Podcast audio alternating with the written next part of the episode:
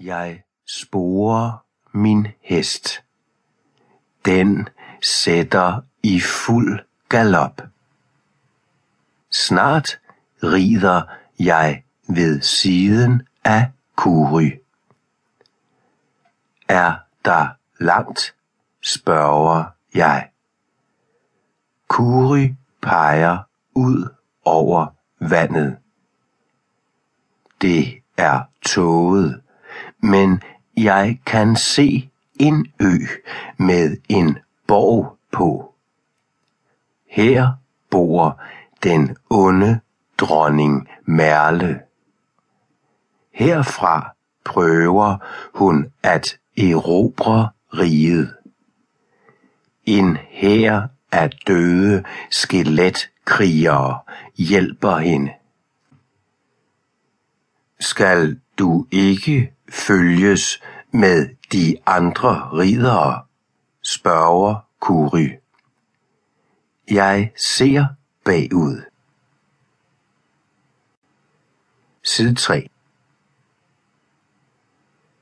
Min far var ridder Ars, men han var en forræder. Han lod sig lokke af Merle. Nu er jeg en af de syv ridere, for jeg skulle træde i hans sted. Måske er det igen en fælde, siger jeg.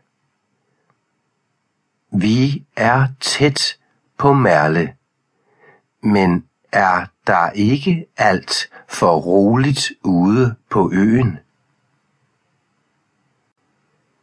Side 4 Kuri tager sin magiske krystal frem. Den har gjort ham til rigets største troldmand. Merle ved, at vi er på vej, siger han.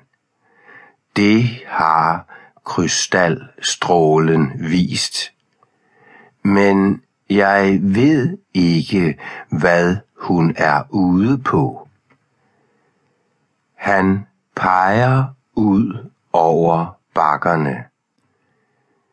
Det er gravhøje, siger han. Her er store krigere fra gamle dage begravet, høvdinge og helte.